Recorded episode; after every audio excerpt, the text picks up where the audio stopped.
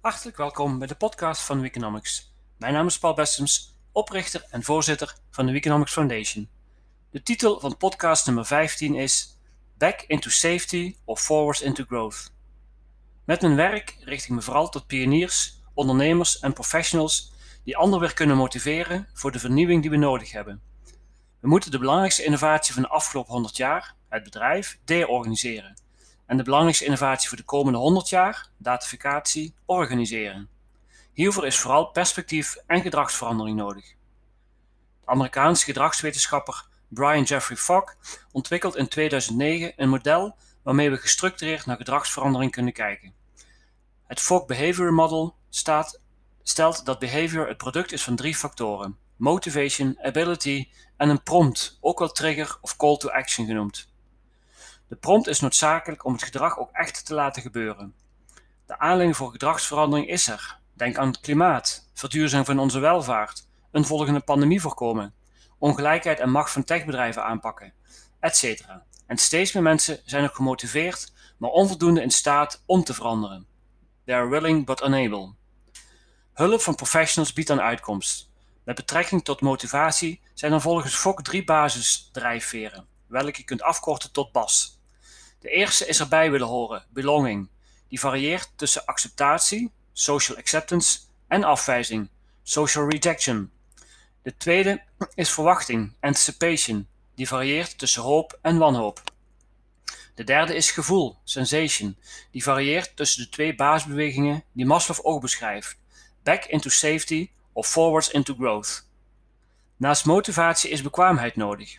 Bekwaamheid gaat over de mate waarin iemand in staat is om bewust te zijn dat gedragsverandering nodig is. Wat is de is-situatie? De gewenste of noodzakelijke gedragsverandering te begrijpen. Wat is de zol-situatie? En vervolgens deze verandering ook daadwerkelijk uitvoeren. Van is naar zol, de transformatie. Er zijn volgens Fok drie manieren om bekwaamheid te, te verhogen. Training, het proces vergemakkelijken, bijvoorbeeld door simulaties, stappenplannen of demonstraties, en het gewenste gedrag anders, kleiner en overzichtelijker maken. Deze inzichten worden ook toegepast binnen Weekonomics, de boeken, het leerwerkprogramma en het transformatieprogramma Apollo, wat staat voor Advanced Program on Learning and Leading Others. Alleen een boek schrijven over een technologie of organisatieconcept, zoals blockchain of de digitale lopende band, is onvoldoende.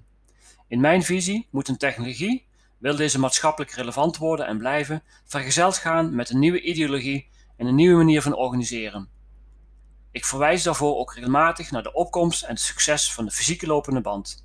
Niet de technologie van de fysieke lopende band verklaart het succes van Henry Ford, maar het streven naar massaproductie in combinatie met massaconsumptie. Dat was ruim een eeuw geleden de maatschappelijke context die de technologie nodig had om zich zo succesvol te ontwikkelen. Door verspilling weg te nemen, door efficiënter te werken, creëren we sinds de fysieke lopende band steeds meer welvaart. Uiteindelijk is dit zeker de laatste decennia, verworden tot een systeem dat redundant werk en redundante welvaart creëert, tegen toenemende ongelijkheid, schulden, kans op pandemieën, klimaatverandering en belasting van onze natuurlijke omgeving. We hebben nu dus een andere maatschappelijke context dan ruim 100 jaar geleden, maar de fundamentele behoefte aan verandering is wel vergelijkbaar. Het is nu de tijd voor een nieuwe richting, de organisatie van een brede en duurzame welvaart. Niet meer, maar beter. Om dit te realiseren focussen we ons binnen Economics en binnen deze longreach op de inzet van data, moderne organisatiekunde en datatechnologie. Economics werkt daarbij samen met onderwijs- en onderzoeksinstellingen, bedrijfsleven, overheid en maatschappij. Zo bouwen we samen een nieuw systeem waarin de organisatie van data, organisatietechnologie, digitale transformatie en digitaal leiderschap pas echt tot hun recht komen. Een van de 13 kernverbindingen van het door Economics ontwikkelde Community Model Canvas is de duiding en beoordeling van het oude paradigma, de pijlers van het oude systeem. Je kunt het Economics gedachtegoed lezen als een aanval op de bestaande orde, maar zo is het niet bedoeld. Ook deze longreads zijn niet bedoeld als aanval, maar om bewustzijn te creëren.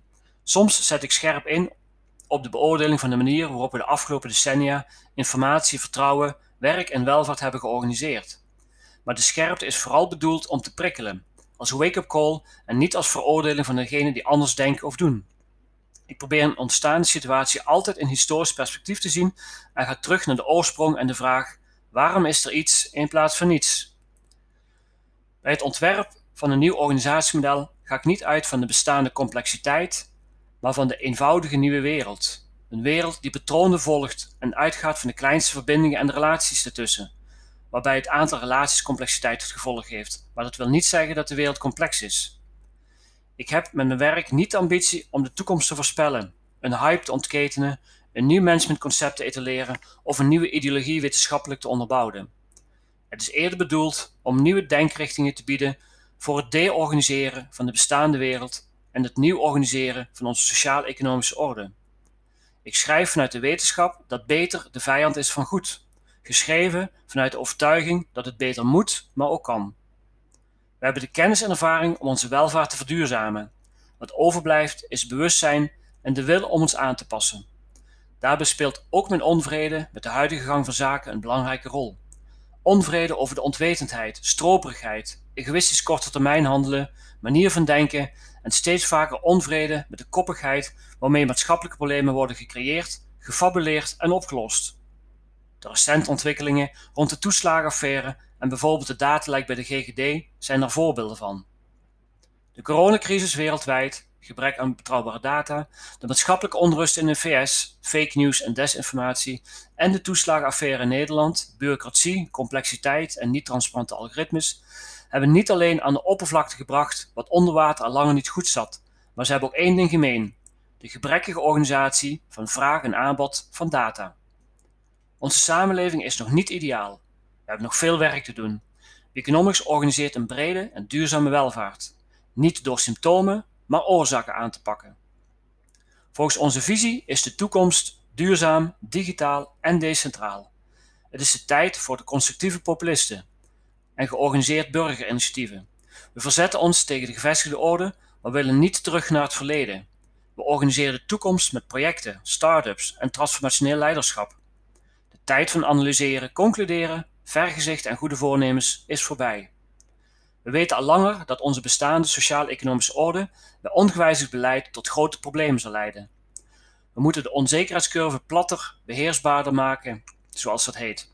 Sinds het klimaatakkoord van Parijs, maar zeker sinds de coronacrisis, weten de meeste mensen wat flatten curve betekent. Maar de curve afvlakken geldt niet alleen voor ons klimaat of een pandemie.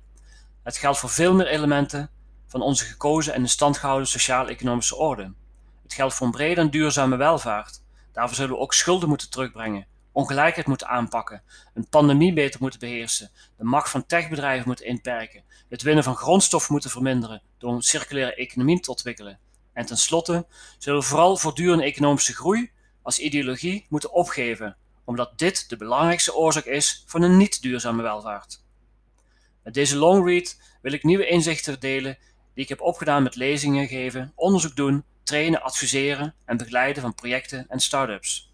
Nieuwe inzichten over de vraag hoe we data het beste kunnen organiseren als basis voor het organiseren van attentie, vertrouwen en productiviteitsgroei. Er zijn alleen al in Nederland miljoenen lokale IT-systeempjes die allemaal plegen de werkelijkheid bij te houden, maar onderling niet verbonden zijn en dus geen gedeelde en toegankelijke werkelijkheid kennen. We zijn via het internet wel technisch verbonden, maar niet via standaardisatie, consensusmechanismes en slim data toegangsmanagement.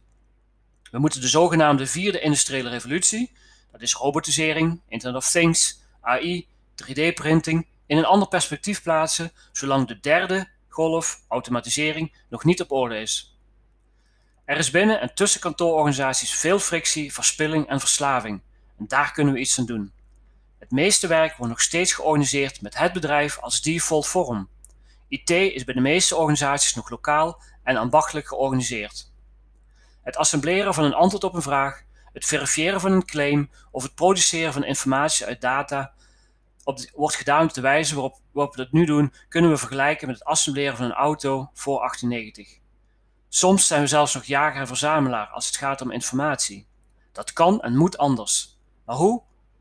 Dat zul je misschien afvragen. Bij tegengaan van verspilling spelen rijke data, datalogistiek, moderne organisatiekunde, datatechnologie en ecosystemen een belangrijke rol. Als we verspilling tegengaan, ontstaat surplus. Dit surplus kunnen we besteden aan het produceren en kopen van redundante spullen, maar we kunnen het ook gebruiken voor het oplossen van maatschappelijke problemen. Denk aan tekorten in zorg, onderwijs, veiligheid, vrijwilligerswerk, circulaire economie en duurzame landbouw. Met deze longreads wil ik een inkijk geven in hoe we informatievoorziening industrieel en schaalbaar in plaats van ambachtelijk en lokaal kunnen organiseren, met als doel een betere welvaart, meer welzijn en welbevinden.